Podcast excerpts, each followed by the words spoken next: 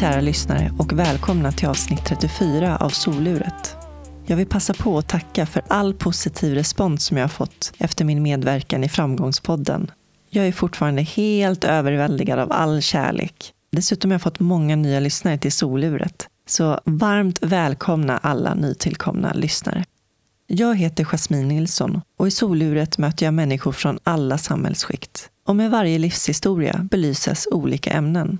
Jag är nyfiken på vad som formar oss till de vi är. Kan en avgörande händelse påverka eller definiera en människa? Eller är det årsringarna som formar oss? Hur påverkar miljöer och människor oss? Hur påverkas våra vägval av våra förutsättningar? Min huvudsamarbetspartner är det internationella hjälpmedelsföretaget Invacare som jag har ett mångårigt samarbete med och som gör denna podden möjlig. Tack så mycket Invacare. Dagens intervju spelades in i Dieselverkstan i Stockholm. Idag får ni möta Mandy Rich. När Mandy växte upp kände hon sig annorlunda. Hon kunde inte sätta ord på känslan. Vid 22 års ålder mådde hon jättedåligt och försökte googla sig till det hon kände inombords. Då fann hon ordet transsexuell. Idag skapar hon rapmusik som handlar om att ta plats och kriga för sin existens som kvinna. Här kommer Mandy. Välkommen till soluret, Mandy. Tack snälla. Alltså jag är så glad att jag får vara här. Vad kul. Ja. Hur har din dag varit? Den har varit bra. Alltså jag är lite trött. Jag kommer precis från jobbet. Eh, jag jobbar ju som personlig assistent. Mm. Men det har gått bra. Hur länge har du gjort det? Jag har jobbat i tre år som personlig assistent. Men den senaste brukaren har jag bara jobbat i ett år. Men det funkar jättebra. Vad är det bästa med jobbet? Ja, dels att vi kommit så bra överens, har blivit som vänner. Alltså att det känns inte riktigt som ett jobb, utan det känns som att man åker och hänger med en kompis istället. Mm. Sen också att jag har möjlighet att göra min musik på jobbet. Just det, ja men det är praktiskt. Ja. Och är det någon som vet hur det är att leva med en personlig assistans så är det ju faktiskt jag också. Ja. Men när det funkar då är det, då är det, blir, bra. det blir väldigt fint, en fin relation. Definitivt. Sen kan det säkert vara jobbigt i vissa stunder har jag märkt. Men ja. För ibland vill man säkert ha sin privacy eller vara i fred, men ändå behöva ha någon standby lite vid sidan av. Så. Precis. Och det är de där hårfina gränsdragningarna. Det är ju det. Man har en dialog mellan varandra också. Hur känner du vad vill du ha mig ja. och vad ska jag göra och inte göra? Ja, det har jag verkligen lärt mig. Man kan inte vara för övertydlig. Nej. Men kan du berätta vart du kommer ifrån? Jag är ju uppvuxen i eh, Stockholm. Jag har bott i Skarpnäck nästan större delen av mitt liv. Och idag bor jag då i Hökarängen som är en också förort i söder om Stockholm. Och hur var din uppväxt? Min uppväxt var bra. Eh, jag har liksom en familj med en yngre bror. Mina föräldrar är också fortfarande tillsammans idag. Så den har varit fin. Samtidigt så har jag jobbat med, i och med att jag är transperson, så har jag jobbat med mina egna känslor och försöka hitta mig själv i sammanhanget som jag inte riktigt gjort. Så det har varit en jättefin uppväxt, men sen väldigt splittrad inuti emotionellt. Jag förstår. Jag läste någonstans att du redan vid fem års ålder kände att någonting var mm. annorlunda mm. som inte passade in i normen riktigt. Ja, exakt. Idag vet jag vad den känslan är och vad den betydde. Men just då när jag upplevde den så var det mer som att man var förvirrad. Varför tänker jag så här och varför känner jag så här? Men det var ingenting man reflekterade över på något djupare plan. Utan jag bara fortsatte leka eh, som den killen eller pojken jag var. Men inuti så kändes det ändå förvirrat. Och så var det egentligen fram till tills jag fyllde 22 år som jag fick då ett ord på mina känslor först. Men jag tänker, hur förhåller man sig till något som man inte riktigt vet vad det är? Det vet jag inte själv riktigt. Alltså jag har inget riktigt bra svar. Utan jag försökte bara fortsätta leva det livet som sades att jag skulle leva. Sen vad jag kände, det var något helt annat. Utan jag bara malde på och sen bara, men, men det här känns ju konstigt. Ja, ja, men det kanske ska vara så. Jag visste ju inte vad de andra kände. Jag pratade inte om någon vad jag själv upplevde och tyckte och tänkte. Så, att, eh, så jag bara fortsatte på. Så som normen såg ut? Ja, exakt. Du anpassade dig efter oh, ja, den kan man säga. Definitivt. Och det gjorde jag fram tills att jag var då 30. Mm. Eh, men då hade jag då vetskapen och mådde jättedåligt under en väldigt lång tid i mitt liv. Mm, jag tänkte vi ska komma Jaha, till det sen. Jag är lite snabb. Mm. Hur gick det i skolan? Påverkade det någonting? Eller? Alltså jag har ju aldrig varit en sån här skolmänniska som älskat att plugga. Utan jag har varit mer praktiskt lagd. Så att, nej, jag har inte varit så jätteduktig i skolan. Vad hade du för intressen? Leka. Nej, men alltså jag vet inte. Alltså skridskor har jag alltid åkt som barn också. Och det Mm. åker jag även än idag. Ja, jag läste att konståkning var ett intresse. Ja, oh ja. Alltså jag har ju tränat konståkning på en konståkningsklubb typ två terminer. Men inte mer än så. Men skridskor började jag åka när jag också var kanske sex sju. Så att jag är självlärd och sen konståkning åker jag nu på fritiden. Som så här egen terapi. För att det är där, alltså det är lite som min fristad. Där får jag utlopp för den jag är och i min egen sfär utan att bli bedömd. Jag förstår. Det är ju inte lätt. Nej. Vad kan du göra för någonting? Alltså jag, vill ju, jag kan ju inte göra en piruett. Eller jag kan tekniken för det, men sen wobblar jag ju som en bowlingkägla. Så Ja. det går inte så jättebra. Nej, men alltså jag kan ju åka skridskor framåt, bakåt på ett ben och sitta ner och göra mycket saker. Lite enklare hopp, men inget mer avancerat. Nej. Så att, Jag dansade ju ballett när jag var liten. ja. Och det var ju en del som utövade konståkning som också tränade ballett just för att eh, stärka kroppen och sådär. ja, exakt. Ja, jag tränade ju vet du, taekwondo och kickboxning ett litet tag. Eh, så det var i samband med det som jag började med konståkning. För jag tänkte att jag ville få mer balans i min kropp i det här utövandet. Tidigare åkte jag mer med så här hockeyskridskor Hur kom du in på taekwondo? Bra fråga. För det är också den här samhällsnormen. Det förväntades och det verkade coolt och The macho. macho som jag aldrig har någonsin varit i hela mitt liv. Så att jag vet inte riktigt. Och sen var det väl någon vän som drog med mig. Men vi borde prova det här. Så gjorde jag det och så testade mig fram. Men hur var det i tonåren då? Jag tänker det är ju ganska känslig ålder och hormonerna sprudlar och man Definitivt. försöker hitta sig själv. Det var hemskt. Alltså fint på ett sätt. Men, men det var också så här, dels kommer den här så kallade manliga puberteten med testosteron i min kropp som påverkar min riktning i livet. Samtidigt med vad jag kände och tänkte. Så jag visste, jag kunde inte riktigt urskilja heller på vad det var som gjorde att jag kände som jag kände.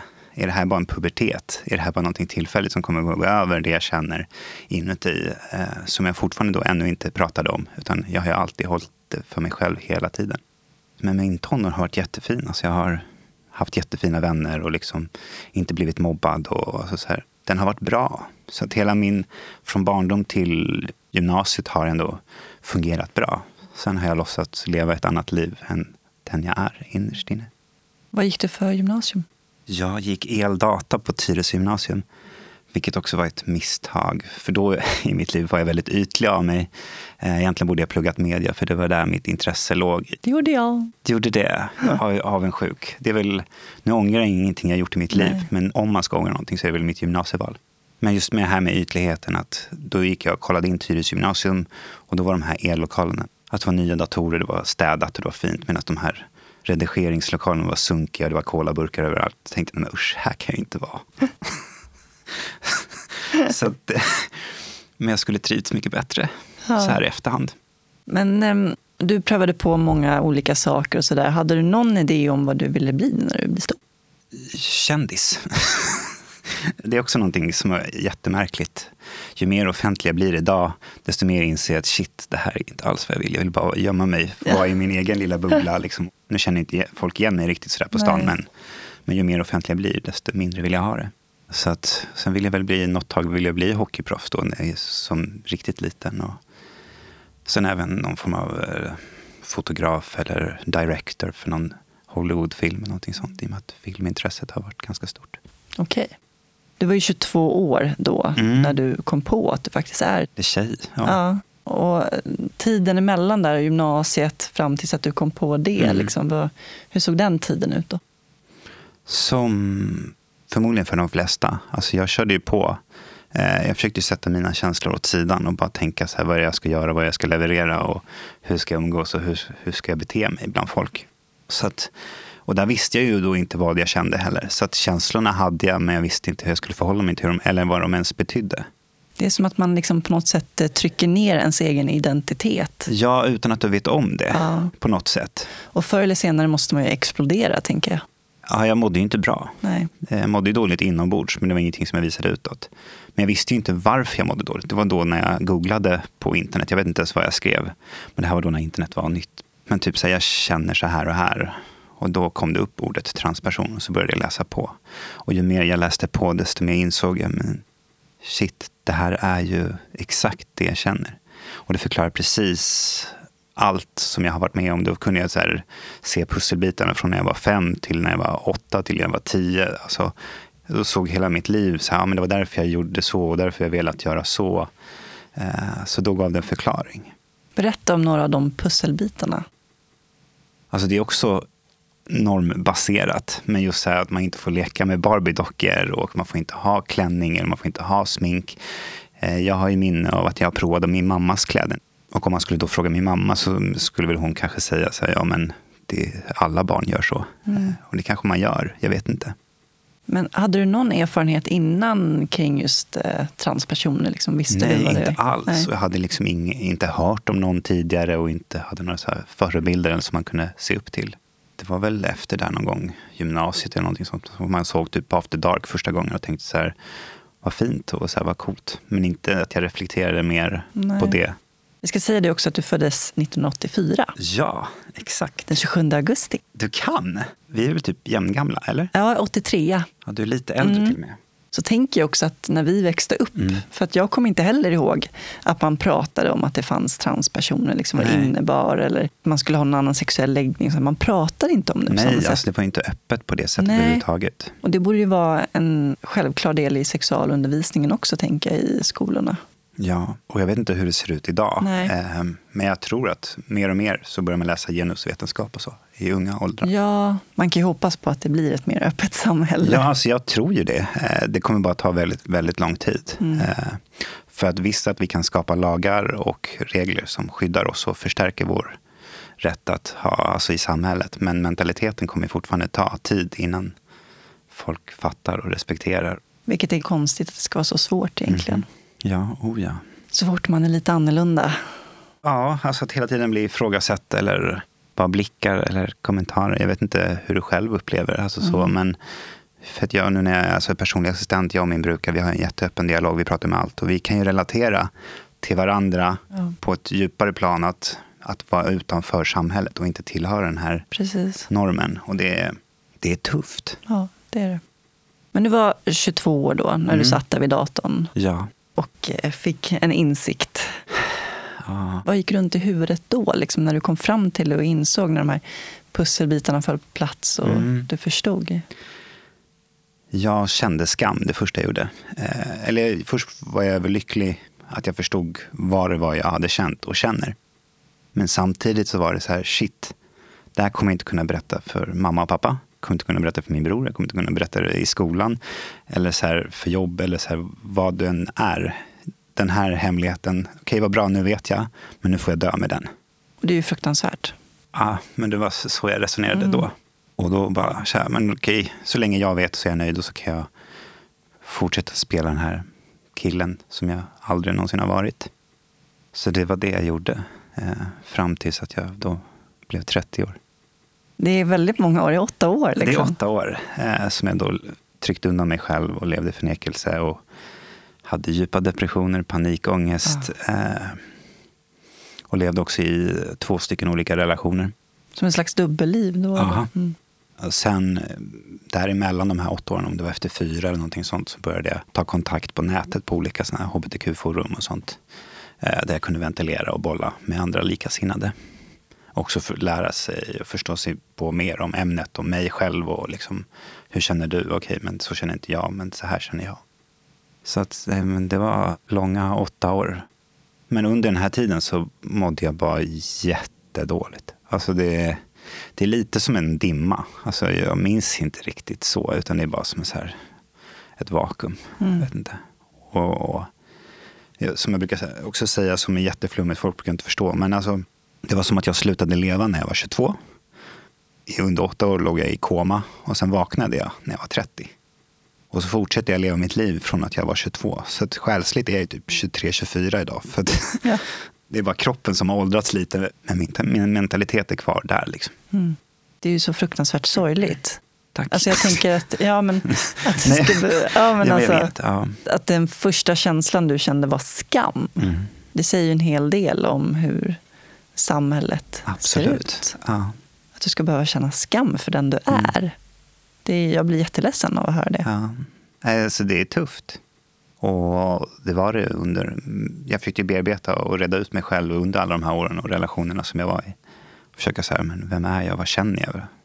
Men samtidigt så fanns det ingen tanke på att berätta det. Eh, Nej.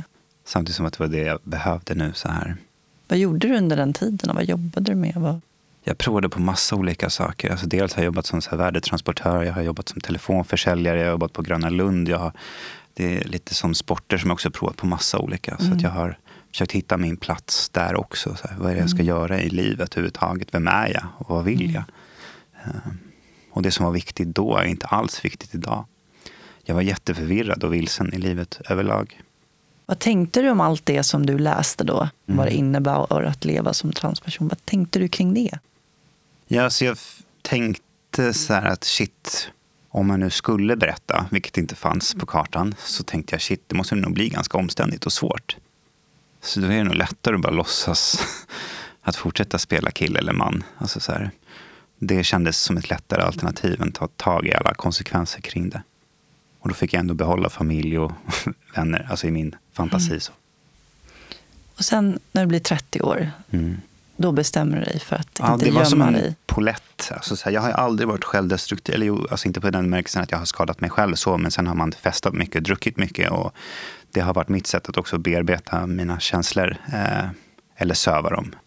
Men jag har aldrig velat ta mitt liv vilket jag många andra transpersoner som någon gång har övervägt att ta självmord. Eh, men för mig har det aldrig funnits en sån tanke överhuvudtaget. Däremot så har jag bara känt att shit, jag orkar inte fortsätta ljuga. Varken för mig själv eller min omgivning. Så det var som att när jag fyllde 30 så var det som så här, det bara tog stopp i hela kroppen. Bara, nej men, det går, jag kan inte fortsätta för då kommer jag på riktigt dö. Alltså så här, det var så starkt. Så då mm. var det som att jag bara beslutade mig att okej, okay, vi testar, vi får se vad som händer. Och vad var första steget? Att berätta för en kompis, eh, vilket också var jättenervöst. Då tänkte jag så här, okay, nu kommer den här relationen ta slut. Hur länge har vi känt varandra? Men typ tio år. Ja, men det kan ändå vara värt att förlora, tänker jag. så länge jag får säga det här. Och så berättade jag det och så gick det jättebra. Och han var jätteförstående och verkligen så här, shit vad jag glad jag är att du berättar det här för mig. Och att du anförtror dig till mig. Och var väldigt stöttande från dag ett. Och då var det så också som en, att det lättade. Så att en kompis blev två, som sen blev tre. Så att jag tog det i jättesmå etapper. Mm. Var det någon som tog avstånd? Ja, alltså inga djupare relationer, men ytligt bekanta. Alltså jag förlorade väl två, tre stycken som inte var så här jättenära, men som mm. bara försvann. Och då tänker jag, ja, mm. det är okej. Okay. Familjen då? Ja, de berättade först ett år, eller min bror berättade ganska, berättade ganska omgående. Om det var någon månad eller ett halvår, jag vet inte exakt. Eh, han var också jättestöttande från dag ett. Skönt. Ja, och vi har också jättebra relation även idag. Och så här, vi har alltid kunnat prata med varandra om känslor och allting. Så det känns jätteskönt. Men just mamma och pappa vågade jag inte berätta för alls. För att jag är också uppvuxen i en kristen familj. Och jag är själv kristen. Och då också det hela den här tron och man och vad är kvinna och enligt Bibeln. Och, eh, så mamma har en väldigt stark tro. Och då kände jag shit, nu vet mina vänner, nu vet jag. Nu kanske mina föräldrar, jag kan dö med den hemligheten tänkte jag då också. Eh, så jag berättar inte för dem. Sen dröjde det ett år. Och ju mer då under det här året så började jag komma ut mer och mer och klä mig efter vad jag kände och började leva mitt liv. Så då kände jag att ja, nej, men nu måste jag berätta det för dem också. Och hur reagerade de? Bra. Alltså just det här första mötet var jätteförvirrande. För jag sa att jag hade någonting jag måste berätta. Och de trodde att jag hade dödat någon eller att jag hade rånat någon bank. Eller någon hade ställt in sig på det absolut värsta. Det värsta. Ja, och sen bara, nej men jag är tjej. De bara, va? Men vi trodde, va? Och så, så det tog väldigt, väldigt lång tid innan de förstod. Och det är väl egentligen först... Innan de kunde ta in det liksom. Ja, det är väl mm. först idag, fyra år senare, eller tre blir det väl, som de har verkligen tagit till sig det och förstå det. Alltså vi har också haft en jättebra relation sedan barnsben. Eh, men sen jag kom ut så har i alla fall mellan mig och mamma varit som ett litet, litet glapp. Alltså vi har pratat, vi har umgåtts, vi har setts, men det är hela tiden ett litet, litet glapp emellan oss. Och då har då det glappet varit den här tron. Eh, men successivt och idag så är det bra. Jag tänker också att kan det ha varit en del av, av konflikten i dig själv på grund av din tro? Den kristna tron. Lite, ja. Kan det ha legat i det varför du Bland, gömde det så länge? Blandat, absolut. Alltså jag var livrädd för att förlora mamma. Mm. Eh, för det var det jag tänkte. Om jag berättar det nu så är det kört. Då kommer jag inte ha någon familj. Eh, så det tog tid. Och även idag så kan det hända att de felkörnar mig och så. Men då märker de det och så rättar de sig. På vilket att, sätt gör de det då? De säger han. Mm. Och då blir jag så, vad sa du? Eh, så försöker jag hela tiden korrigera.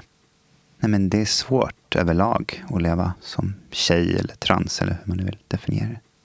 Jag har hört att just transpersoner det är liksom, de har den högsta självmordsstatistiken. Mm. Ja, tyvärr är det så. Men det, fler och fler kommer ju ut nu och berättar mm. sina historier. Liksom. Hur, mm. hur känner du för det? Jag blir jätteglad och det värmer verkligen. Och vi är ju på väg i en samhällsriktning där det blir mer accepterat och mer okej. Okay. Slutligen kanske vi inför ett tredje juridiskt kön som de har redan gjort i Tyskland och många andra. Exakt, jag skrev det här någonstans. Att I Danmark, Kanada, mm. Indien, Nepal, Pakistan, Nya Zeeland, Australien, Sydafrika. Alla de har erkänt ett tredje de juridiskt kön. De har kommit lite längre. Ja. Sen är väl Sverige kanske ett bättre land att leva i ändå. Och vi har också en transvård. Sen att den fungerar lite sådär tycker jag själv. Ja. Men, men den finns där och man får hjälp. Och det blir lättare. Men sen är det svårt för att samhällets mentalitet är inte där. Alltså för varje nytt möte så behöver jag nästan komma ut varje gång. Alltså så här, och berätta mitt pronomen och, och sen hela tiden kommer de här standardfrågorna. Så det kommer ju ta tid innan det förändras och det kanske inte förändras under min livstid. Men om vi gör någonting idag så kanske det blir bättre för den yngre generationen. Ja, men hur ser ditt ID ut nu då? Jag har inte ändrat mitt personnummer än.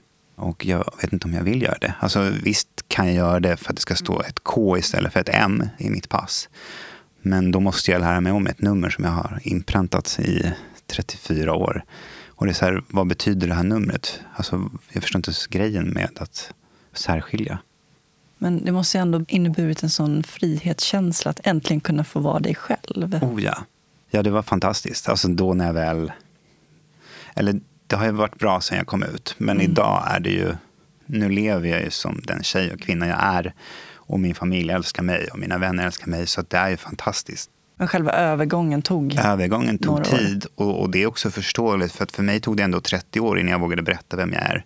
Så sen när jag berättade för min omgivning, det är klart de behöver sin process också. Att ta till sig och bearbeta. Så det, jag kan inte kräva av dem heller så här från dag ett, bara, men nu ska du säga hon. Så det är klart de behöver sin egen tid. Men idag, alltså jag mår jättebra i mig själv och så. Sen är det otroligt ensamt att leva som transtjej. På vilket sätt? Det är så otroligt svårt att dejta någon och bli sedd för den jag är. Och sen är jag i tjej, jag nu inte, vill jag inte ens ha en relation, men om jag skulle vilja ha en relation så blir det svårt. För då ska de också se mig som den jag är. De ska behandla mig på rätt sätt och det, det, det är omständigt. Kanske därför tror jag också av en rädsla att jag har tagit avstånd från just dejtande, för jag orkar inte processen. Eh, för att jag vill ju från dag ett att de ska känna mig rätt och se mig. Mitt inre jag. Och inte det här bara yttre skalet. Mm. Har du haft någon relation sen du kom ut? Nej. Jag har dejtat en gång. alltså, jag är som en jävla torrboll inser jag nu. Men, men ja, nej, alltså, jag har tagit avstånd helt. Och det var också i samband med att jag kom ut. Då jag då också började ta tag i min musik. Så det var i samband med att jag kom ut som jag valde att satsa helhjärtat på musik.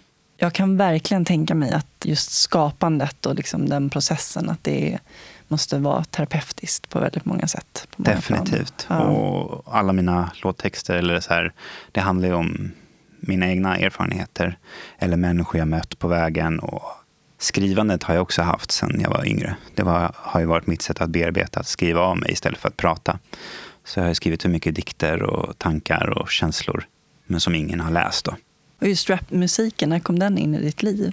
Den kom nog in i högstadiet, för då lyssnade jag lite på Petter. Det är väl min första rappreferens, eh, och på svenska då. För den här amerikanska hiphopen har aldrig intresserat mig. Jag tycker att det svenska ordet kommer närmare och känns starkare på något sätt. Mm. Så det var väl lite där, men det var ingenting som jag reflekterade så här, shit, det här vill jag hålla på med. Men då började jag lyssna lite grann på det, men det här gillar jag. Och sen kom det lite mer och mer successivt. Det var väl där det började. Nej, det var ju då när jag kom ut som jag bestämde mig, för nej, nu ska jag bli artist och nu ska jag göra musik. Och så bara, men vad ska jag göra för musik? Jag tycker jag själv inte kan sjunga. Så tänkte jag, men vad kan jag göra då? då? Rappa? Det lät svårt. Ja, ja, men vi kör rap. Men det är ju inte helt lätt heller att lära sig. det var också jättetufft och jättesvårt. Ja. Det är så här snabb ordföljd. Man bara, det bara lyssnar på andra. Så bara, hur? Alltså de här gruppen fattar du? Och maskinen och alla möjliga som bara, hur, hur, hur gör ni? Så det var ju bara att man började träna och skriva. Ja. och i eh, Regnbågarnas stad ja. så är det en rad där du säger mitt liv är som skönheten och odjuret på samma gång. Mm. Är det den här liksom, att du känner att du både är den gamla och den nya? nya? Absolut. Och också det här manliga mot det kvinnliga. Som jag dock tolkar att mannen är det här odjuret och kvinnan är mm. skönheten. Mm. Hur mycket av odjuret finns i dig idag då? Det har aldrig funnits ett odjur i mig på det sättet. Det var bara att jag har levt i den rollen. Vilket var plågsamt. Men alltså jag är exakt likadan mm. som jag var i princip då. Så jag har inte så här blivit så här personlighetsförändrad. Utan Nej. jag är samma jag. Mm. Bara att ni sa att jag var en pojke, en kille. Det har jag aldrig varit. Mm. Hade ni behandlat mig som en tjej så hade jag varit mig själv redan då. Mm.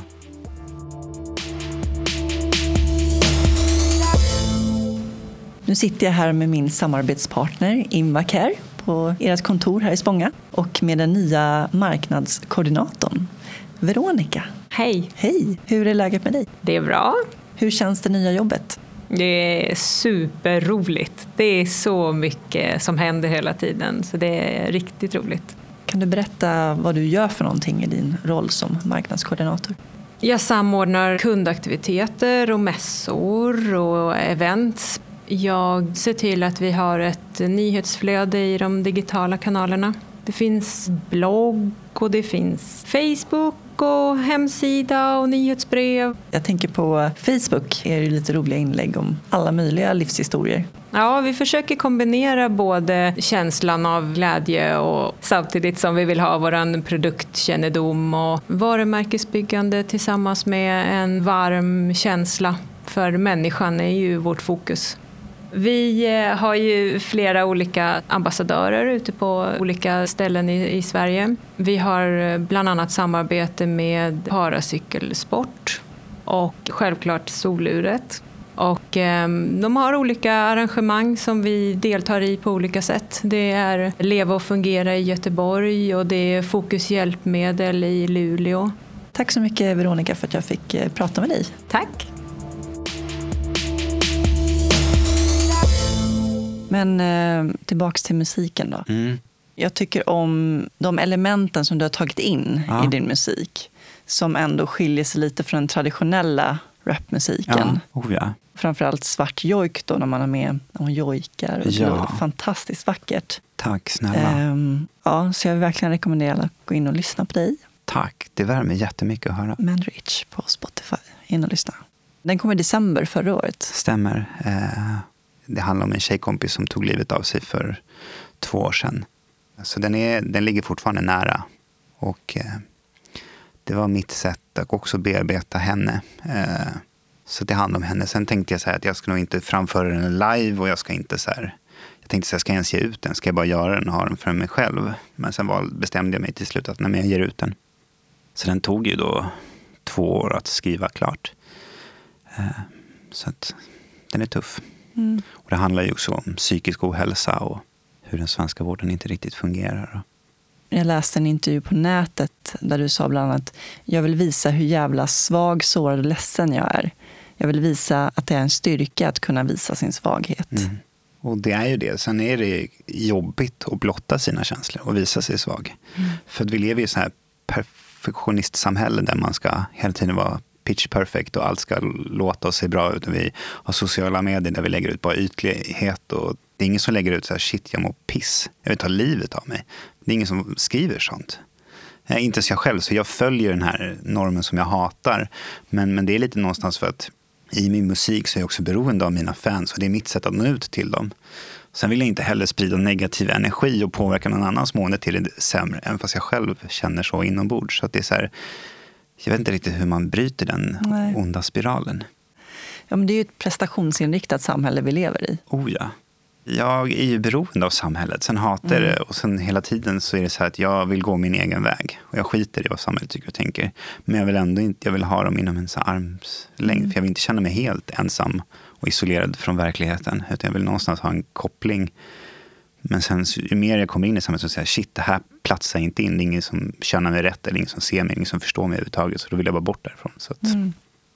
Hur var det då när du släppte din första singel och du skulle ut på scener och eh, rappa för första gången? Hur var det? Ja, det var också jättenervöst. För då hade jag lyssnat på hiphop en hel del. Och då finns det en svensk hiphopgrupp som heter Södra sidan. Som jag har lyssnat på väldigt mycket och ser upp till. Och är verkligen så här, shit, ni är duktiga, jag gillar er musik och vibe. Så jag tog kontakt med dem och eh, frågade så här, men känner ni någon producent som ni skulle kunna rekommendera? Så rekommenderade de Måns Billner som jag jobbar med idag. Vilket också är så fantastiskt. Och det var han som då hjälpte mig att skapa alla de här tre låtarna som jag har gett ut. Eh, men då första singeln var ju Regnbågarnas stad. Och den texten hade jag ju, den hade jag klar typ två år innan, tror jag, eller ett år innan. Men att släppa den var jättenervöst. Så här, hur ska det här mottas? Eh, och jag hade liksom ingen koll alls vad det innebar att ge sig in i musikbranschen. Ja, det är tufft. Ja, det var jättetufft. Eh, jag har jobbat i tv-branschen och vet hur äcklig den är, om man får säga så. Får man svära i den här Absolut. podcasten? hur mycket du vill. uh, ja, nej men så att nej, tv-branschen hatar jag. För den är också så ytlig och så hierarkibaserad. Och så vad, vad jobbade du med då inom tv? Jag var fotograf och redigerare, även produktionsassistent och lite så allt möjligt. Jag jobbade ändå fyra, fem år tror jag. Det var så kul att se hur det funkar och branschen som sådan. Men sen är det mm. väldigt toppstyrt. Uh, men uh, vad var vi? Musik. Musikbranschen? Ja, men jag har ingen aning om hur musikbranschen, men de är ganska snarlika inser jag idag. Men eh, jag visste inte alls hur det skulle mottas och så. Nej. Och då hade jag extrem scenskräck. Som jag också har lyckats övervinna och bearbeta. Mm. Så att idag är den ju under kontroll. Jag har respekt när jag går upp på scenen, men jag är inte rädd för den som jag var första gången. Det är ju väldigt eh, ja, homofobiskt i många texter också. Verkligen. Särskilt tänker jag amerikanska ja, rappare. Ja, även Eminem var ju det ett tag. Ja. Jag vet inte hur han är idag, men, men det var ett tag han var väldigt homofobisk på det sättet. Och, och det är ju en väldigt machokultur. Sen har det blivit bättre. Och I svensk hiphop så har kvinnorna börjat få ta mer plats som Silvana Imam, Beri, Linda Pira med flera. Så att, eh, det mm. händer ju någonting och det är på väg åt rätt riktning. Och jag kör som jag är. Sen om folk inte vill lyssna eller inte ser mig som mm. mig, ja, det är så här, ja, tråkigt. Ja. Vad har du fått för mottagande då? För Bra, musiken? tycker jag ändå. Eh, jag har nog inte fått så jättemycket negativt. Alltså jag känner lite så här, når det en person så räcker det för mig. Sen om det är en större skara, jag får mer streams och så här, visst det är kul. Men det är inte det som är viktigt, utan det är egentligen dels att jag får ut själv den här kreativa flödet och energin Plus att jag också kanske kan bidra till någonting, eller för någon annan. Finns det de som har sökt ditt stöd sen du blev offentlig? Ja, alltså lite grann har det absolut. Eh, och jag har fått mycket, alltså många har hört av sig och säger shit, fortsätt det du gör, kriga och var stark och du är en förebild och sånt. Så det är mm. jätteroligt att höra. Det är svårt att ta till sig ibland. Eh, för jag känner mig bara så här, shit, men jag är så obetydlig och jag är livrädd och jag, som sagt jag gråter, jag är inte professionell, eller så här, nu är jag väl professionell, men alltså så att man visar sina svaga sidor. Även i text och allt möjligt och kanske tappa text på scen och så här, men shit, det här gick inte så bra. Ja, men så är det för alla. Det jo, jag tänker på när jag står och föreläser också, liksom man tappar tråden. Ja. Eller, det gäller bara att fånga upp det och vara sig själv. Det tror jag verkligen är A det är det viktigaste. Alla lägen. Absolut. Var sig själv så löser det sig alltid på något sätt. Ja, och om det inte löser sig så finns det väl någon annan väg att gå. Ja. Alltså så, så att, nej men det har fått fint mottagande och det är väl det som också får mig att fortsätta kämpa och fortsätta driva och fortsätta göra det. För att jag ser att det gör skillnad i vissa människors liv. Just som Svartjojk till exempel så var det en mamma varpå hennes son hade då självmordstankar. Och de hade ingen dialog. Men då hade han, den här sonen, hört den här låten och sen dess börjat prata med sin mamma. Vad fint. Och det är sånt som värmer. Mm, För då blir det liksom kanske skillnad mellan liv och död. Exakt. Men som sagt, det är ju svårt att slå sig fram i musikbranschen. Alltså, det är och, jättesvårt. Och skapa konst överhuvudtaget och leva på det. det är ju... Oh ja, alltså det, det finns ju den här muren som jag har upplevt nu som jag inte visste den fanns. Mm. Men det är skivbolag och Spotify och hur man kommer in på spellistor eller hur man får skivkontrakt. Så det är jättesvårt. Men det är också frågan, vad är syftet med att göra? Musik kanske alla kan göra, men ska man bli, vad är målet? Är målet att bli känd? Då kanske man ska tänka om, säger jag nu. Men alltså så här, för mig har inte kändisskapet varit ett syfte. Sen har det kommit med allt annat. Hur känner du idag då inför kändisskap? Jag känner mig inte, jag vill inte säga att jag är kändis. Det känns så, det känns jättekonstigt. vet inte. Alltså som barn så ville jag ju vara känd. Och då är det så här, av vilken anledning? Nej, jag ville bara vara känd oavsett anledning. Men ju mer som sagt offentliga blir, desto mindre vill jag det. Mm. Fast samtidigt så behöver vi det för att nå ut till fler och kunna påverka Precis. mer. Det är det som är så svårt. Det är en Aha. balans där. Det är det. Följa sin inre röst. Exakt. Det är det viktigaste som finns. Ja. Um, var det jag tänkte på. Det är ju intressant också att höra jag tänker på vad du får för bemötande som kvinna mm. kontra att ha varit man tidigare. Har du upplevt eh, en förändring där?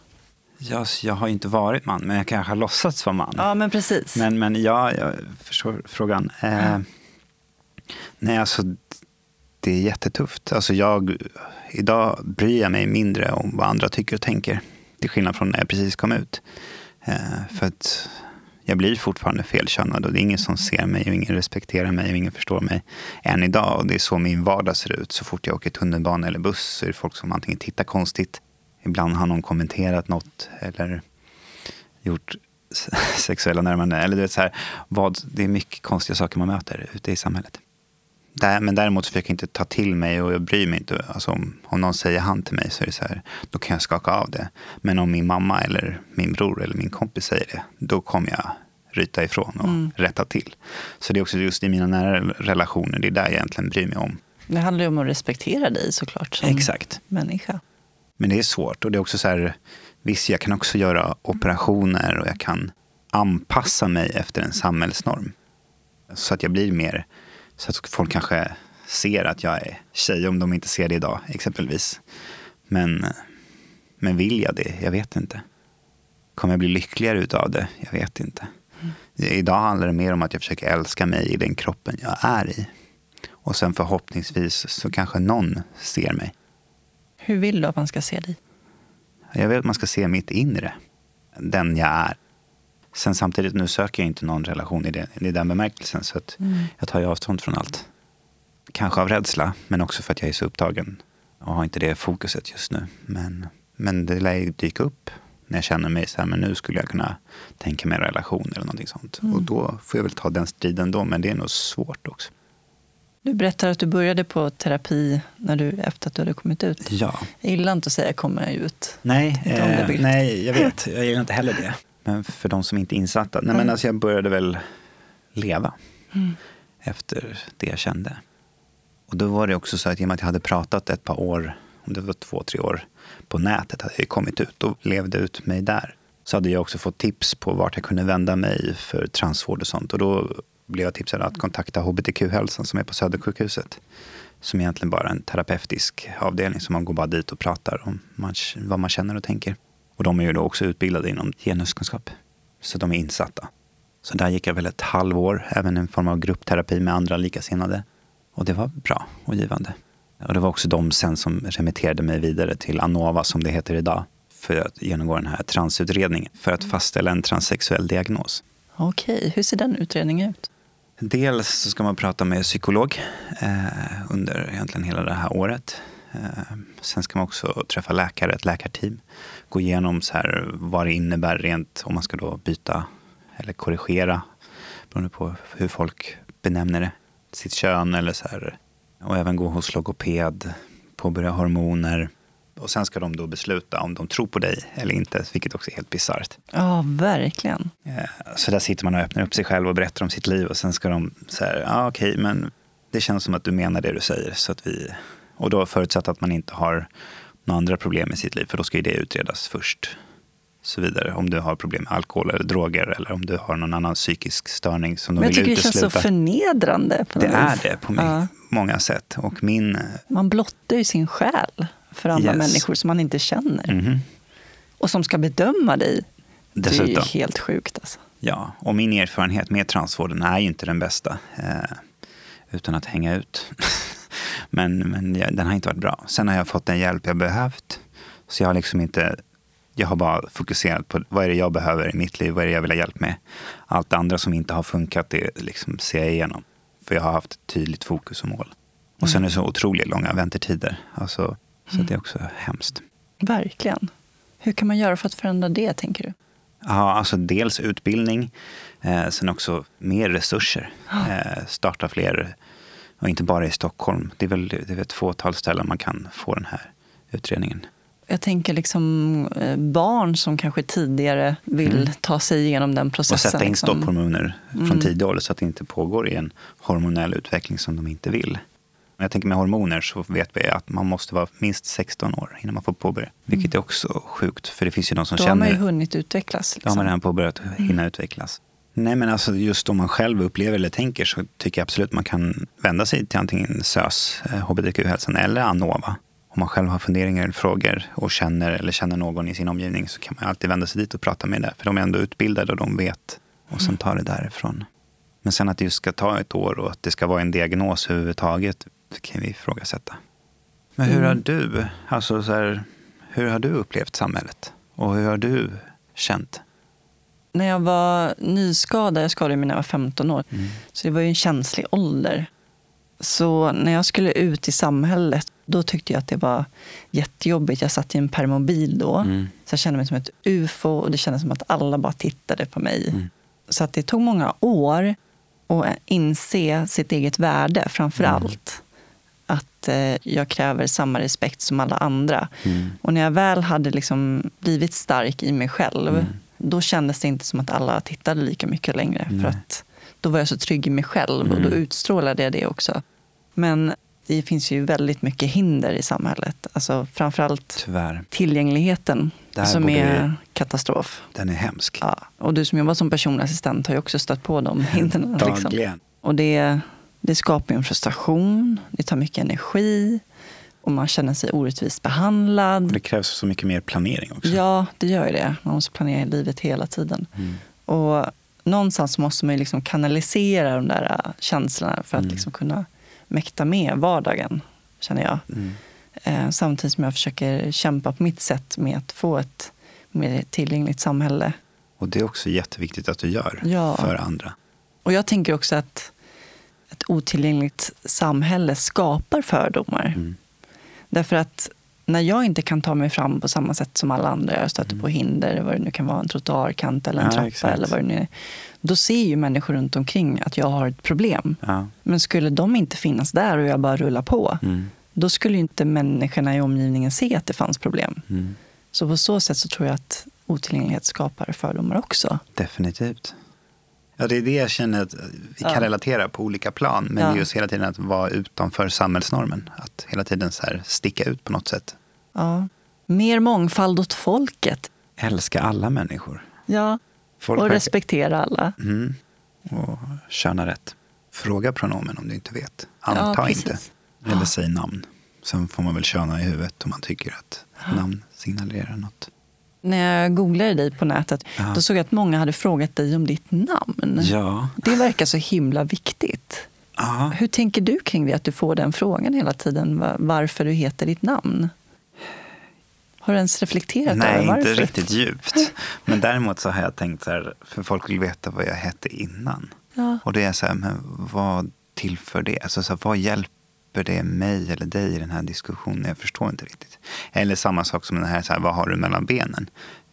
Va? Va- va- Varför får jag ens den frågan? Alltså, så här, ska du prata om mig som person eller ska vi ligga? Eller vad, vad är det du vill? Alltså, så det är också så här, Men folk gör det alltså? Ja, oh ja. Och, och jag förstår väl någonstans nyfikenheten och var den kommer ifrån. Men däremot så borde man tänka efter innan man ställer en fråga. Hur skulle jag reagera om jag fick den här frågan? Om någon kommer fram till mig på tunnelbanan och frågar. Man bara, va? Ja, berätta först vad du har för färg på ditt könshår. Ja, exakt. Ja, det är så märkligt, vissa frågor man får. Ja. Alltså, det är roligt på ett sätt ibland. Och jag är den här personen som jag kan ta allting. Eh, och jag kan berätta hur jag känner. Sen att någon annan känner likadant, det kan inte jag svara för. Men, men så här funkar det för mig och så här känner jag. Och det här vill jag inte prata om, och det här kan jag prata om. Så jag är väldigt öppen med allt. Jag är väldigt transparent. Men det finns ju de som är extremt känsliga. Så fort du felkönar eller frågar något så kanske de funderar överväga att ta sitt liv. Så det beror på hur känslig man är. Så därför måste man vara otroligt försiktig med alla människor man möter och respektera och se och lyssna. Ja, men det är samma sak när man är i rullstolsburen. Alla tror sig ha rätt att få veta varför man sitter i rullstol. Ja, exakt. Ditt förhållande till din kristna tro idag då? Hur, Mm. hur är den? Den är bra. Lite ifrågasättande. Nej, men för att jag Alltså I min värld så finns det en gud som älskar alla och ser alla och bemöter oss alla. Det är inte bara två kön, utan det står väl någonstans i Bibeln, nu har jag inte läst Bibeln, men jag har hört att det står i Bibeln att eh, i himlen så är vi alla könslösa. Där finns det inga kön. Där är vi ju vår själ. Så att vi har, bär med oss den här själen i vårt tempel, om vi säger så att kroppen är det. Så att då har vi inget kön, någon av oss. Så varför ska vi sätta etiketter på varandra här på jorden i så fall? Mm. Sen vet jag inte om jag gör rätt eller om jag är på väg åt rätt håll. Jag vill väl också komma till himlen efter det här mänskliga korta livet som vi lever. Så att min tro är stark. Eh, sen vet jag inte om den om jag kanske gör fel. Alltså om vi pratar nu mammas tro, det här manliga, kvinnliga. Gör jag fel, då går jag emot Gud när jag är mig själv, som jag upplever det. Har jag blivit vilseledd i mitt liv? De här tankarna har funnits i mig. Men, men sen ser jag vad jag ändå har gjort för skillnad hos andra människors liv och mm. vad min musik har gjort. Och då vill jag på något sätt tro, nej men det är inte ondska, utan det är ren kärlek. Och det måste vara Guds kärlek som visar sig men jag har inte pratat så här öppet om Gud och tro Nej. i någon så här mm. sammanhang. Så att, ja. Hur känns det att göra det? Lite läskigt. Mm. För det är också så här, då kommer jag bli ännu mer utanför normen. Då ska man vara transsexuell och då ska man vara kristen och så ska man vara... Mm. Ja. När du växte upp, hur såg ett kristna förhållande sett ut då? Liksom, gick ni till kyrkan och så där? Mamma gick ju till kyrkan och det gör hon ju än idag. Inte så här varje söndag, men hon går då och då. Men vi bad ju kvällsbön och, och sen har vi blivit präglade, eller så här, mamma har läst Bibeln för oss när vi var små, lite delar ur och så. så mm. att, men sen är ju inte min bror eller min pappa troende på det sättet. Okay. Det var därför du hade mest ångest inför att berätta, för, berätta mamma. för mamma? Ja, precis. Och pappa har ju stöttat mig mer egentligen än vad mamma har gjort. Men pappa vill ju fortfarande ha mammas godkännande. Så att han mm. står ju lite på hennes sida och lite på min. Så han, han flyter runt där lite. Alltså ja. nu är det ju bra. Men alltså just i början där ja. så var det lite så här. Jag hör dig så här, men jag ska bara kolla här med mamma. Okej, det är okej. Så det är så här, han är så söt pappa. Nej men alltså idag, jag har aldrig varit så lycklig som jag är idag jämfört med någon tid i mitt liv. Samtidigt så är det problematiskt att leva det livet jag lever. Mm. Så att, men jag mår ändå bra själsligt och i mig själv. Fint att höra. Jag tänkte köra standardfrågorna. Ja. Vad innebär det för dig att vara människa? Den är så svår. Men för mig att vara människa så är det väl att vara den man är född till att vara. Alltså så här, just lyssna till sin, sitt inre jag eller sin inre röst. Försöka göra rätt för sig. Vad betyder frihet för dig? Det har ju med att vara, våga vara sig själv och gå emot andra och samhället och lyssna på vad är det jag känner, vad är det jag vill. Och sen om det inte är accepterat hos andra och konsekvensen utav att vara sig själv kanske blir att man blir misshandlad eller mördad eller förlorar sin familj. För mig har det gått bra, men det finns andra som har det mycket värre. Så frihet är ju att våga, eller kunna leva som den man är och känner sig. Mm. Sen har jag mina fristader, dels i badkaret när jag känner mig fri och sen när jag är ute på isen så känner jag mig själsligt fri. Så det är där jag har min frihet. Mm. I att leva det liv jag vill leva. När grät du senast? I morse faktiskt, eller det var en, en kort tår. Men det var att jag såg ett klipp på Facebook. Då var det en, en kille som hade varit sjuk i typ 14 år. Eh, någonting med sin kidney, alltså levern. Och då hade hans flickvän eh, på hans födelsedag sett till att, för hon var en perfect match med han, så då gav hon sin kidney till honom på hans födelsedag. Men gud vad fint. Ja, och då började jag gråta. Alltså det är så här sann kärlek. Ja, verkligen. Vad gör dig arg? Orättvisa och utanförskap och mobbing. Alltså så här, då brinner det. När jag ser att andra inte blir accepterade eller utstötta. Mm. Vad gör dig lycklig? Musiken. Min familj och mina vänner. Musiken framför allt. Vad drömmer du om? Jag har typ slutat drömma. Eller så här, musiken så sett så har jag, jag ser det mer som mål och delmål. Det är inga drömmar så här, men jag drömmer om att jag står på den här scenen. Det kanske är ett mål och så måste jag bryta ner det målet. Hur, hur gör jag för att stå på den där scenen? Så det blir mer så. så att jag vill inte säga en dröm, men, men om man ska prata dröm, dröm, då skulle det väl vara ett samhälle där alla blir accepterade för den man är utan att någon ifrågasätter. Det skriver jag under Det på. låter väldigt klyschigt, men, men, men det är i så fall vad jag Det är kan. ju inte självklart. Nej, det tyvärr. är ju inte det. Jag har några antingen eller-frågor också. Oh, spännande. Shoot. Kaffe eller te? Kaffe. Bok eller film? Film. Kött eller grönsaker? Kött. Fast jag försöker äta mer veganskt eller så vegetariskt. Alla måste hela tiden motivera sig så här, varför de väljer kött. Ja, men så jag försöker i alla fall tänka på klimatet och allt runt omkring som händer i världen. Ja. Jag försöker göra skillnad. Sen älskar jag hamburgare, så att jag äter kött. Alla får så dåligt samvete när de säger Men man det. får lite, det blir som att man blir så ställd mot väggen. Det är då jag säger att jag har varit vegetarian hela livet. Ja, det är jättebra ju. ja, jag är tacksam för det. Planering eller spontanitet? Både och, beroende lite på vad det gäller. Men alltså som person är jag väldigt spontan. Se eller höra? Den är svår. Jag skulle nog spontant säga höra. Ljus eller mörker?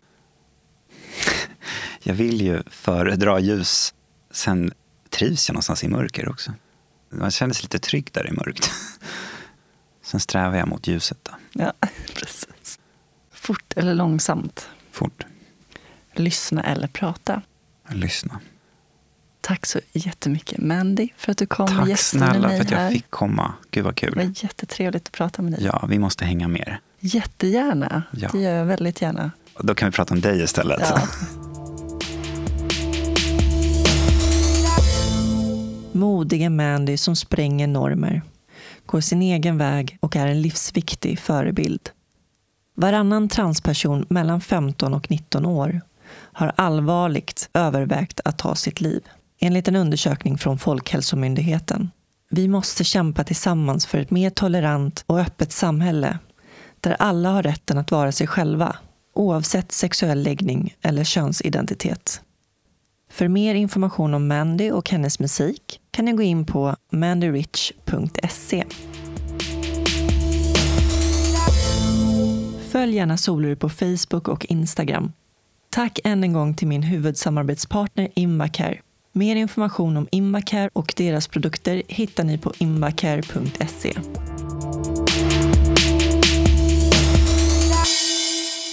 I nästa avsnitt får ni möta Tatjana Håkansson. Tatjana föddes 1991 i en favela i Brasilien där hennes familj levde i fattigdom.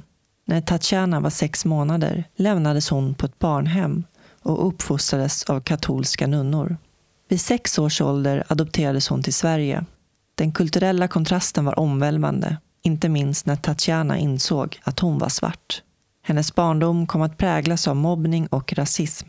Men hon fann en ventil i fotbollen och nådde elitnivå. Idag föreläser Tatjana om integration, normer, rasism och jämställdhet. Avsnittet publiceras måndag den 15 april. Med tanke på dagens gäst avslutar jag med ett citat från en okänd. Att drömma om den du skulle önska att du var är att ödsla bort den du är.